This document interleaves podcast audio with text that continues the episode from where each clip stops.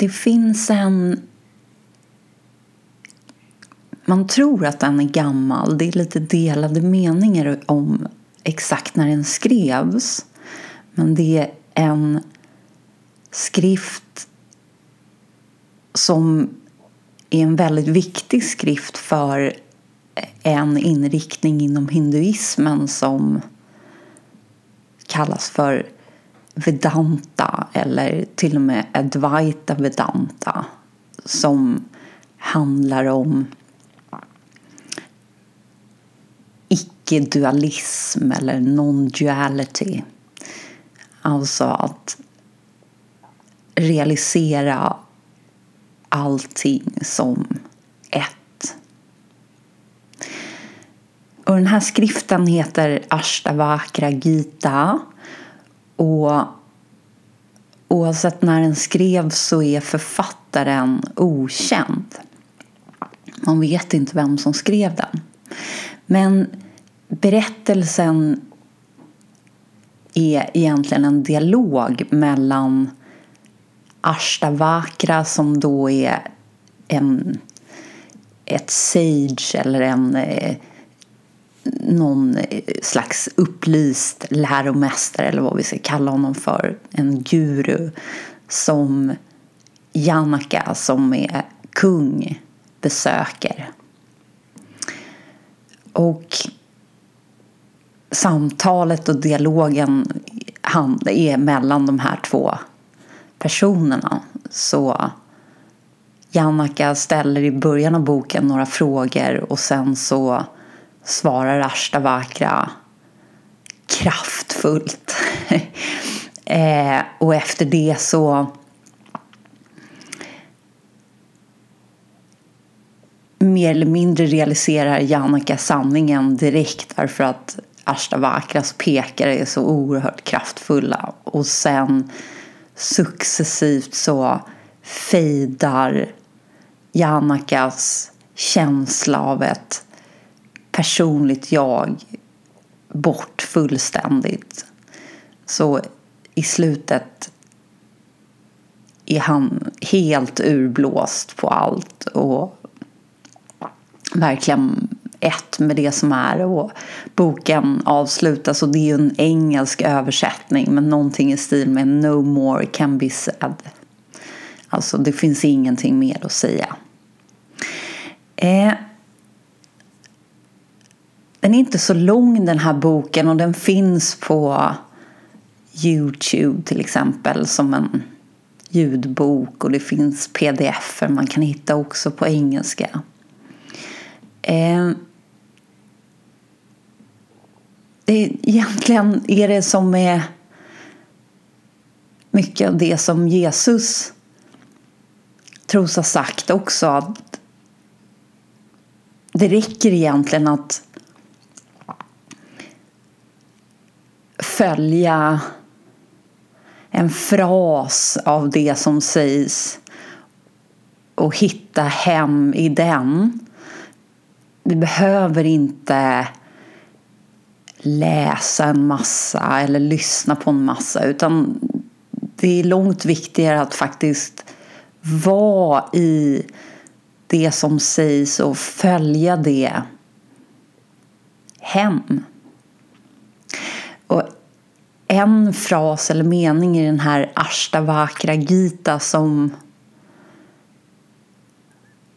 är fantastiskt både välformulerad och en fantastiskt kraftfull pekare hem är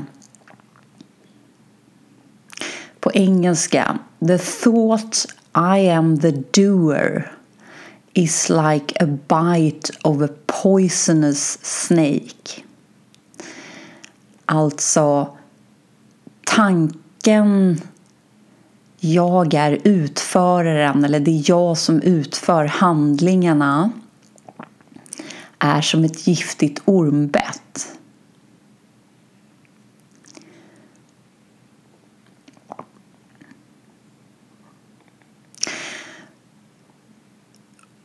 Och inom buddhismen finns också många olika grenar eh, bland annat en gren som kallas för Zen eller Zen, Z-E-N, Zen-buddhism. Och det här med att beskriva hur perspektivet ändras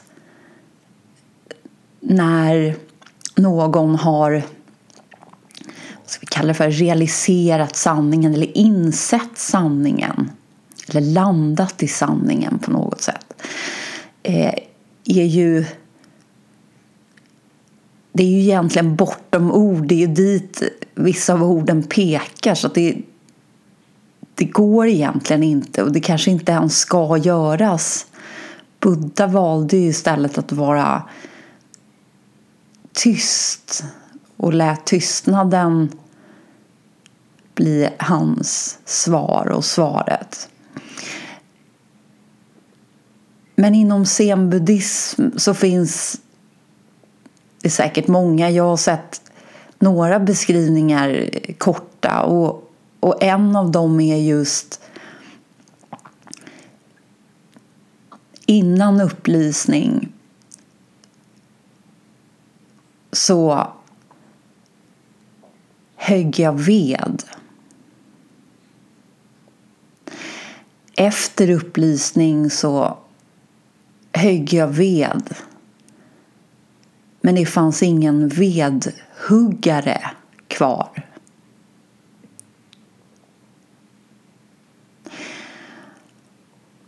Och vedhuggaren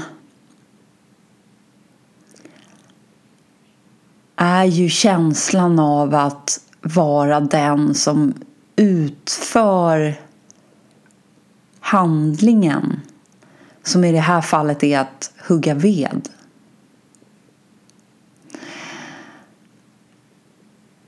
Och det är ju lite samma linje som Ashtavakra precis i början av Ashtavakra Gita säger till Janaka att tanken att jag är utföraren av handlingarna är som ett giftigt ormbett. Och egentligen kanske ännu mer att identifiera sig med den tanken. Den tanken kan ju komma, den kan finnas där och, och den är ju naturligt där av vana. Därför att vi har fått lära oss att tro på att vi är den som utför det vi till och med kallar för våra handlingar.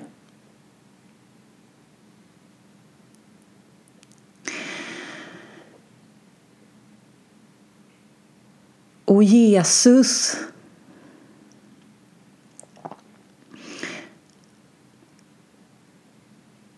Det är tydligt när Jesus säger vissa saker att han inte heller på något sätt identifierar sig, om vi får kalla det för på det planet. Han identifierar sig inte med formen, han identifierar sig inte med utföraren av handlingarna eller den som besitter kunskap. Och en sak som Jesus säger i enligt Johannes evangeliet sjunde kapitlet. Jag läser det först på engelska. My teaching is not my own. It comes from the one who sent me. Min lära är inte min egen. Den kommer från den som har sänt mig.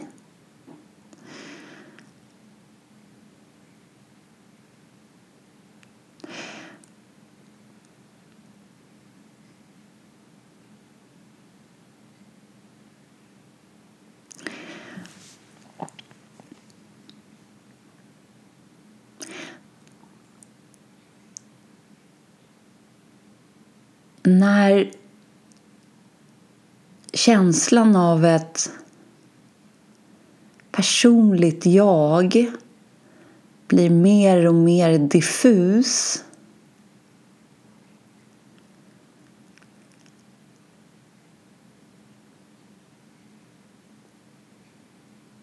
då är det plötsligt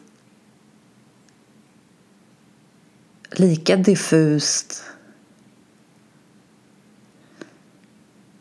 vem som handlar.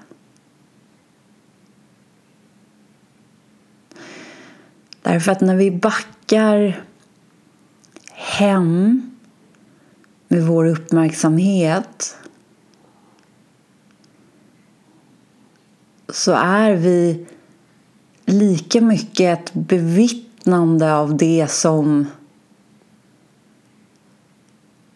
uppstår och försvinner inom ramen av det relativa som den som utger sig för att äga handlingar. Det är som om det som styr upplevelsen och vad vi tror är sant handlar om vart vi fäster vår uppmärksamhet och vad vi väljer att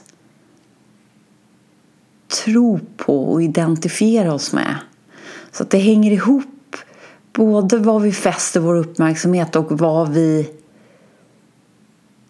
gör till en sanning för oss själva.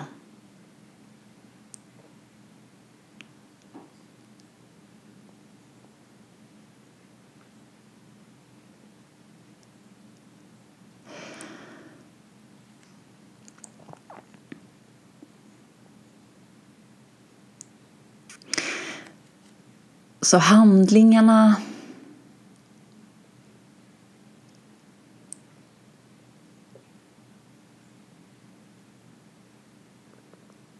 är kanske egentligen inte någonting fristående utan en del av en helhet, en del av ett flöde snarare än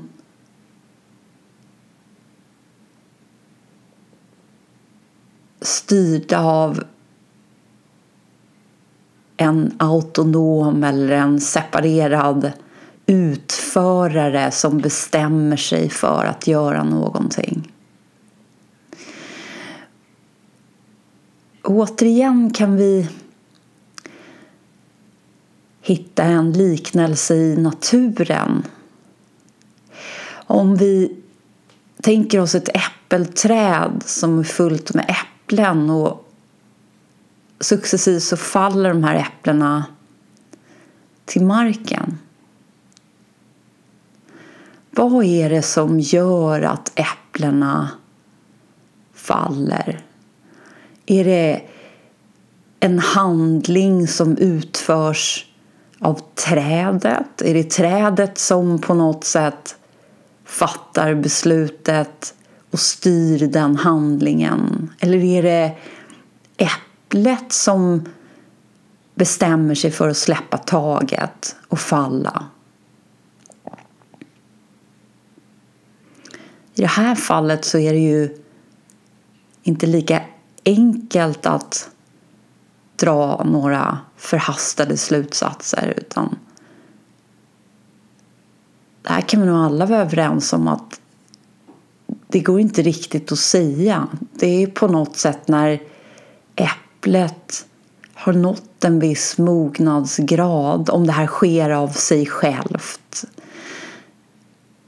så verkar det som om bandet mellan äpplet och trädet, det som håller dem samman som ett, plötsligt blir så tunt så att det går av. Och så faller äpplet. Och när ett äpple faller till marken så finns det i sin tur massvis med organismer på marken och i markytan som i samma sekund som äpplet faller faktiskt upphör att existera i sin befintliga form. Var det ett medvetet beslut från trädets eller äpplets sida att det skulle ske eller var det också bara någonting som hände som en naturlig följd av ett naturligt flöde.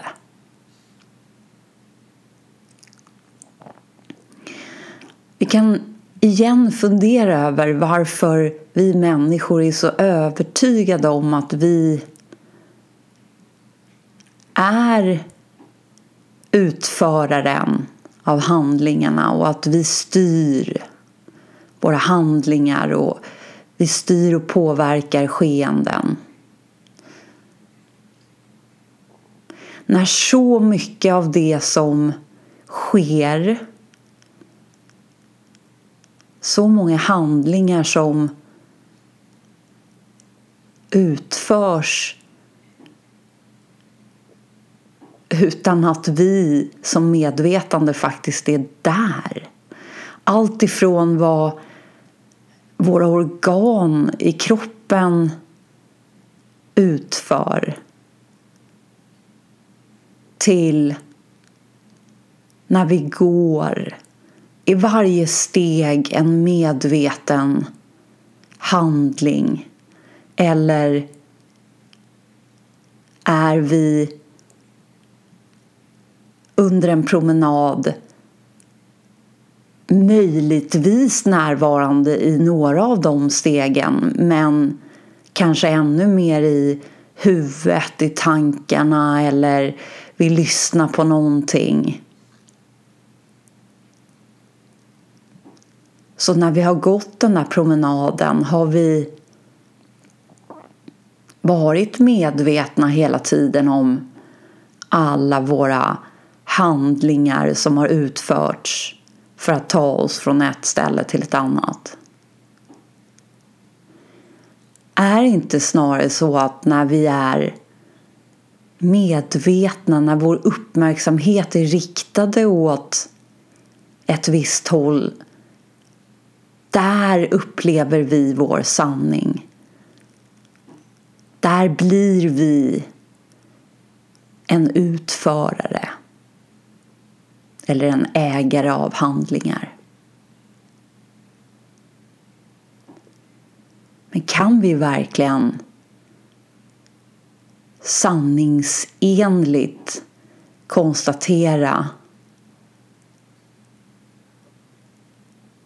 att vi är utföraren av alla våra handlingar?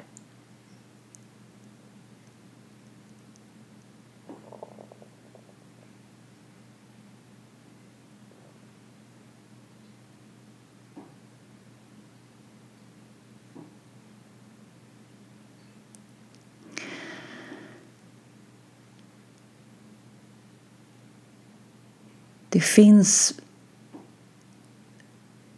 som sagt olika, vi får kalla det för olika nivåer inom oss. Vilken vår uppmärksamhet kan vila i. Uppenbarligen kan den vara ute i det relativa och identifiera sig där. Och ofta är vi förlorade där. Vi är ett med rösten i vårt huvud. Vi är ett med det vi upplever att vi känner. Känslorna är våra och det vi upplever är hundra procent. Det är vi som upplever och det är våra upplevelser. Och rösten i huvudet, tankarna, det är det är vi som både lyssnar och pratar. och tänker.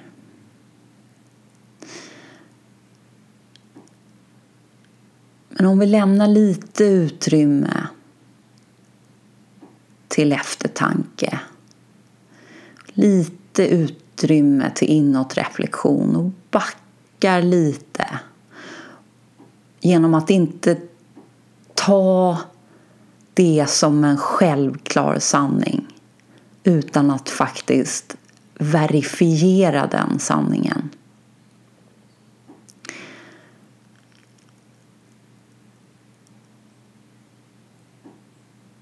Vi möjliggör helt enkelt lite utrymme att finnas mellan det vi upplever oss själva vara och det som hela tiden kommer och går. Då kan vi både bevittna det som händer och samtidigt förnimma en känsla av att vara mycket av det som händer.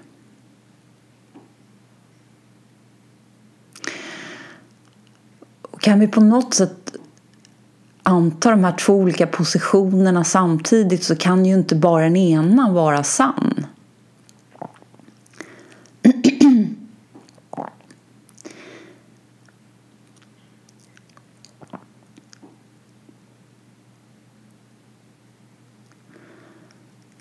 Och då blir det tydligt att den rena utföraren, den rena eh, tänkaren av tankar och mottagaren av tankar och den som handlar och den som upplever och den som känner uppstår när vi identifierar oss med tankarna, med känslorna, med det som händer, med det som utförs. Och vi låter rösten i huvudet mala på som om vi är en enhet som utför.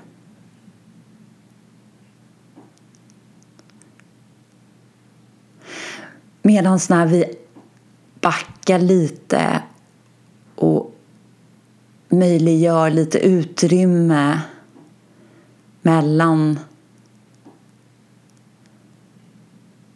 det utförande planet och någonting annat som mer upplevs som ett tyst vittne och som en mottagare av allt som sker och allt som förnimmas alla intryck.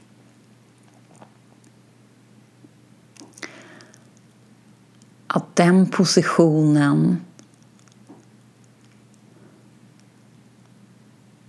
är närmre hem än det andra. Och på något sätt också åtminstone en del av det vi är. Vi är inte enbart det yttre, det föränderliga. Utföraren av handlingar.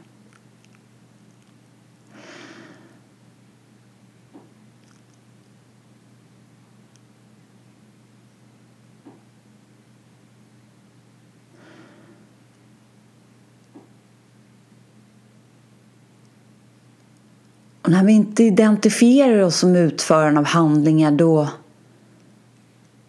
slutar inte saker att ske. Det är bara en sån enorm lättnad, en sån lätthet i det som sker. När inte kopplingen till en utförare finns.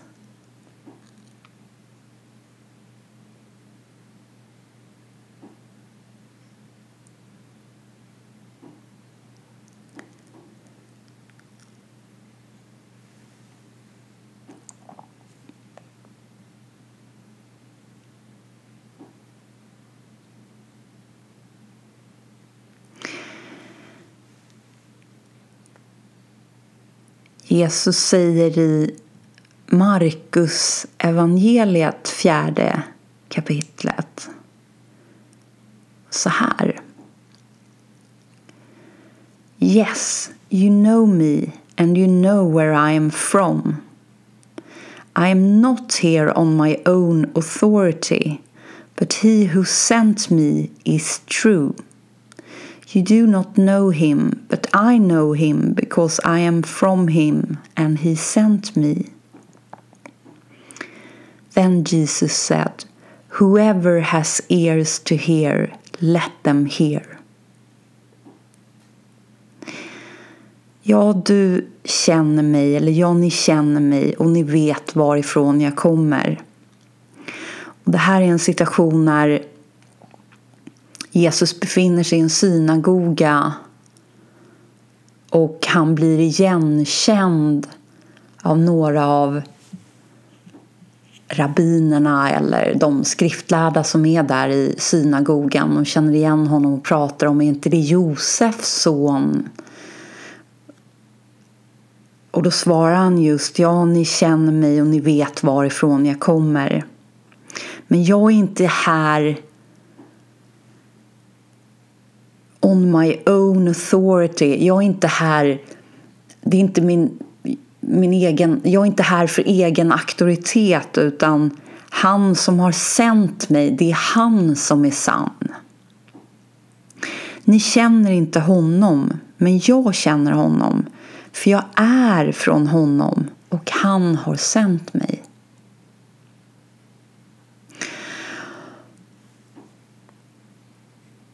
Och sen säger han så här. Den som har öron för att höra, låt dem höra. Det här är något som Jesus emellanåt avslutar med vilket gör det han säger blir ännu mer kraftfullt.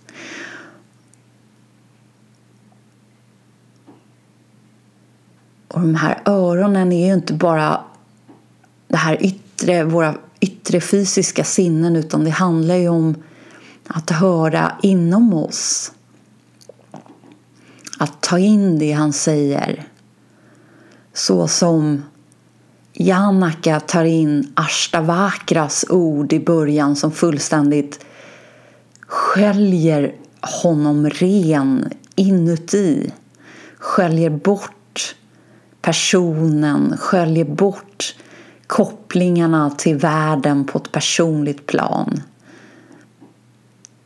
kvar blir det som redan är där men som är så övertäckt av allting annat.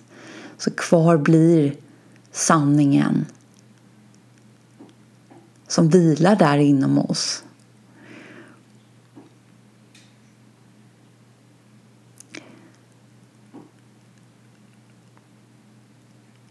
Och fortfarande när vi tar del av mycket av det Jesus säger så går det verkligen att tolka och ta in det på olika plan. Och lyssnar vi som en utförare av handlingarna, som en person då är det inte konstigt att vi uppfattar det här som att Jesus kommer från det han kallar för Fadern.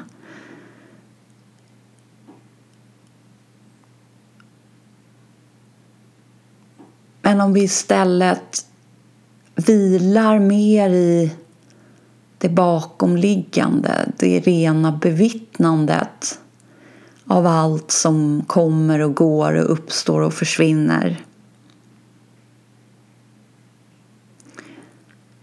Då förstärker hans ord det som vi själva kan ana jag är inte härifrån. Jag är inte här som en egen auktoritet. Han som har sänt mig, det är han som är sann.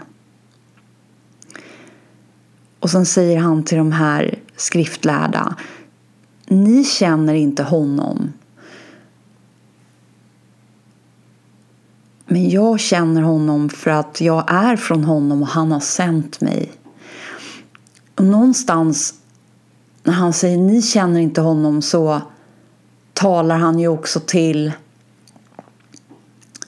den medvetandenivå som de just nu har identifierat sig med och befinner sig på. Och det handlar ju om att de ser honom som Jesus, Josefs son. De ser honom som den där formen. Men i slutet så öppnar han faktiskt upp för att det kanske finns andra där inne i synagogan som varken känner till honom känner till formen och vet var den är ifrån men som faktiskt kanske också har möjlighet att följa hans ord hem. Därför att de redan befinner sig bakom lite grann. Och därför avslutar han med Whoever has ears to hear, let them hear. Alla ni eller de som har öron, låt dem höra.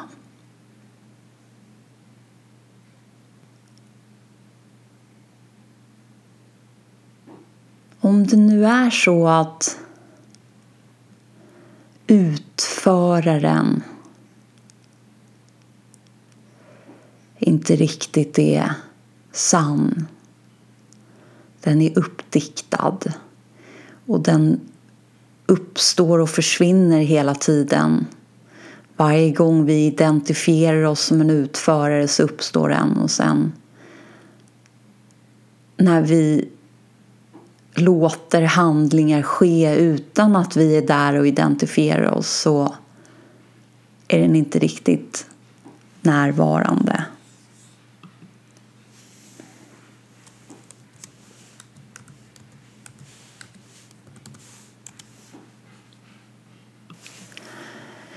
Då blir allting så mycket lättare på något sätt. Det, det finns ingen som kan ta på sig en skuld på samma sätt som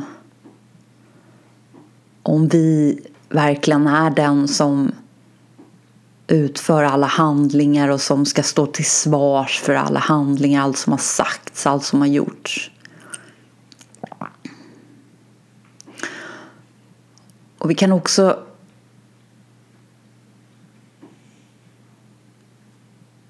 känna en lättnad i det som händer. För det blir inte längre sant att det som händer händer för eller emot någon. Äpplet siktar inte på vissa organismer på marken innan det faller.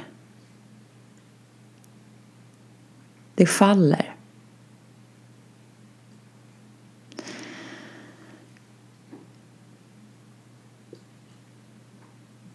Och Meister Eckhart talar också om det här och han säger att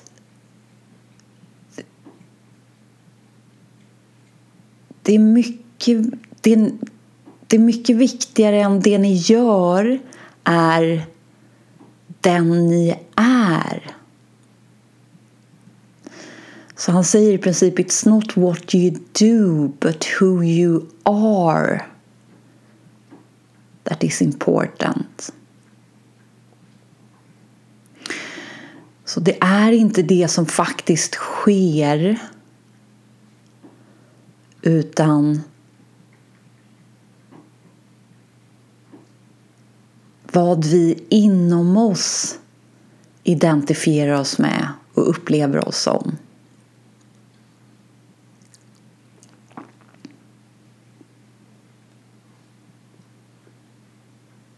Och ni minns det andra som man sa också att om vi är fulla av saker så är vi tomma på Gud och är vi tomma på saker så kan vi fyllas med Gud. Och samtal med Gud, också från första boken, säger så här.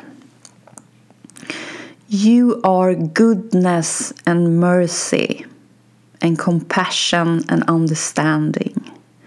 You are peace and joy and light. You are forgiveness and patience, strength and courage, a helper in time of need, a comforter in time of sorrow, a healer in time of injury, a teacher in times of confusion. You are the deepest wisdom and the highest truth, the greatest peace and the grandest love. You are these things, and in moments of your life you have known yourself as these things. Choose now to know yourself as these things always. i godhet och nåd och medmänsklighet och förståelse. Vi är frid och fred och glädje och ljus. Vi är förlåtelse, vi är tålamod, vi är styrka, vi är mod. Vi är en hjälp i tider då hjälp behövs. Vi är en tröst i tider som är mörka. Vi är helande i tider för skada. Vi är en lärare eller någon som lär i tider av missförstånd. Vi är den djupaste visheten och den högsta sanningen. Den största friden och den största kärleken. Vi är de här sakerna och alla har i stunder i sina liv känt sig själv som de här sakerna. Välj nu att känna dig själv som de här sakerna alltid. Och formuleringen här är lite intressant också just att det är inte vi som en personlig utförare som är allt det här utan det är fenomenen vi är. Vi är kärleken, vi är frid, vi är fred, vi är mod. Vi är inga individer.